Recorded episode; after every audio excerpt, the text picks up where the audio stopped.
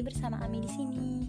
Nah, buat teman-teman yang punya cerita menarik atau mau request untuk pembahasan podcast berikutnya, bisa DM di IG-nya Ami di @amina Kalian tinggal DM aja dan request pemba dan pembahasan terbanyak itu akan disiarkan lewat podcast Ami selanjutnya.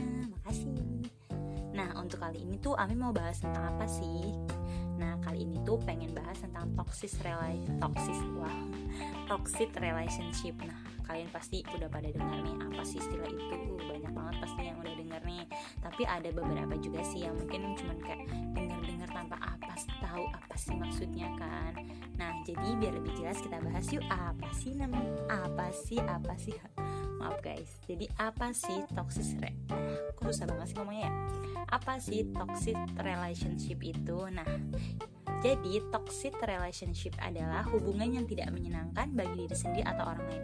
Hubungan ini akan membuat orang menjadi lebih buruk. Nah, harusnya kan kalau punya hubungan baik hubungan itu pertemanan, hubungan asmara harusnya bisa bikin kita jadi lebih baik lagi. Tapi kok ini malah memperburuk ya?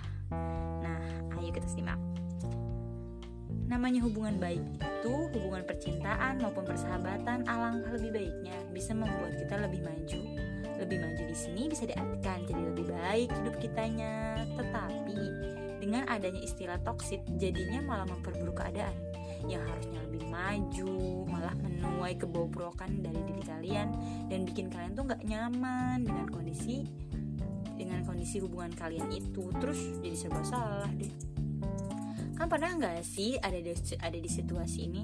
Coba deh kalian refleksi selama kalian punya hubungan itu kalian tuh lebih banyak manfaatnya apa lebih banyak gak bermanfaat anfaida ataupun kayak ngerasa kok banyak negatifnya ya dibanding positifnya? Coba deh kalian introspeksi diri dan kalian cari tahu lah gitu tuh. Jadi kalian tuh bisa memberikan kontribusi buat diri kalian itu. Nah di sini nih Ami mau ngasih tahu deh.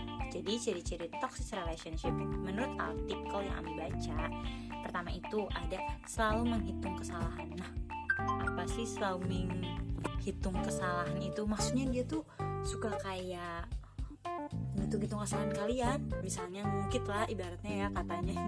Hitung jadi ngungkit misalnya kalian tuh misalnya kalian tuh punya salah ini salahnya B. Tapi dia pas ngobrol ada masalah yang masalah-masalah yang A yang kemarin-kemarin udah lewat itu malah dikit-dikit lagi. Kan harusnya kalau masalah udah selesai kan udah ya nggak usah dikit-dikit lagi. Nah yang kedua ada cemburu berlebihan waduh ada yang bilang kan cemburu tanda cinta. Tapi kalau berlebihan gimana tuh? Nggak baik juga kan ya? Nah harusnya dengan apa sih ya? Saya jadi bingung jadi cemburu berlebihan itu nggak baik pokoknya ya. Malahan bikin kesannya lebih kayak ke posesif. Posesif nggak boleh inilah nggak boleh itulah. Kan nggak baik juga nanti kalian malah nggak maju dan tetap stuck di satu tempat. Yang ketiga itu adalah hobi menyalahkan atas kehancuran moodnya. Apa sih ini? Nggak ngerti banget.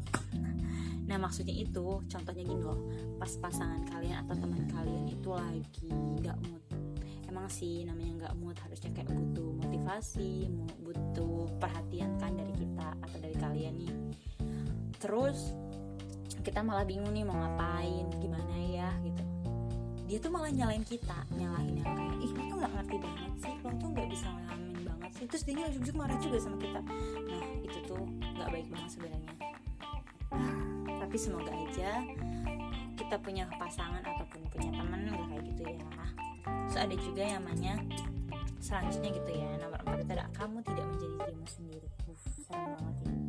Ketika kamu tidak menjadi dirimu sendiri otomatis kamu bakalan wah ada Shopee guys. Aduh maaf banget ya. Nggak bakalan jadi dirimu sendiri tuh nggak bakalan nyaman lah. Kalian tuh kayak tertekan mulu. Nggak bisa kayak nggak bisa pokoknya nggak bisa mengeksplor diri kalian sendiri. Kalian tuh kayak pakai topeng. Sebenarnya kalau misalnya nggak jadi diri sendirinya dalam artian ngerubah hal yang positif. Contohnya misal kalian tuh suka nyontek. Nah siapa yo kalian yang suka nyontek kalian tuh punya kebiasaan suka nyontek.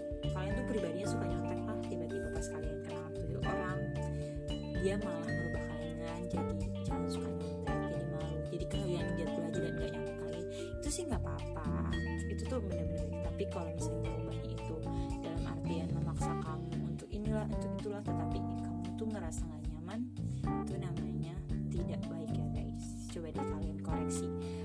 selama pertemanan atau hubungan asmara kalian itu kalian merasa pakai topeng atau gimana?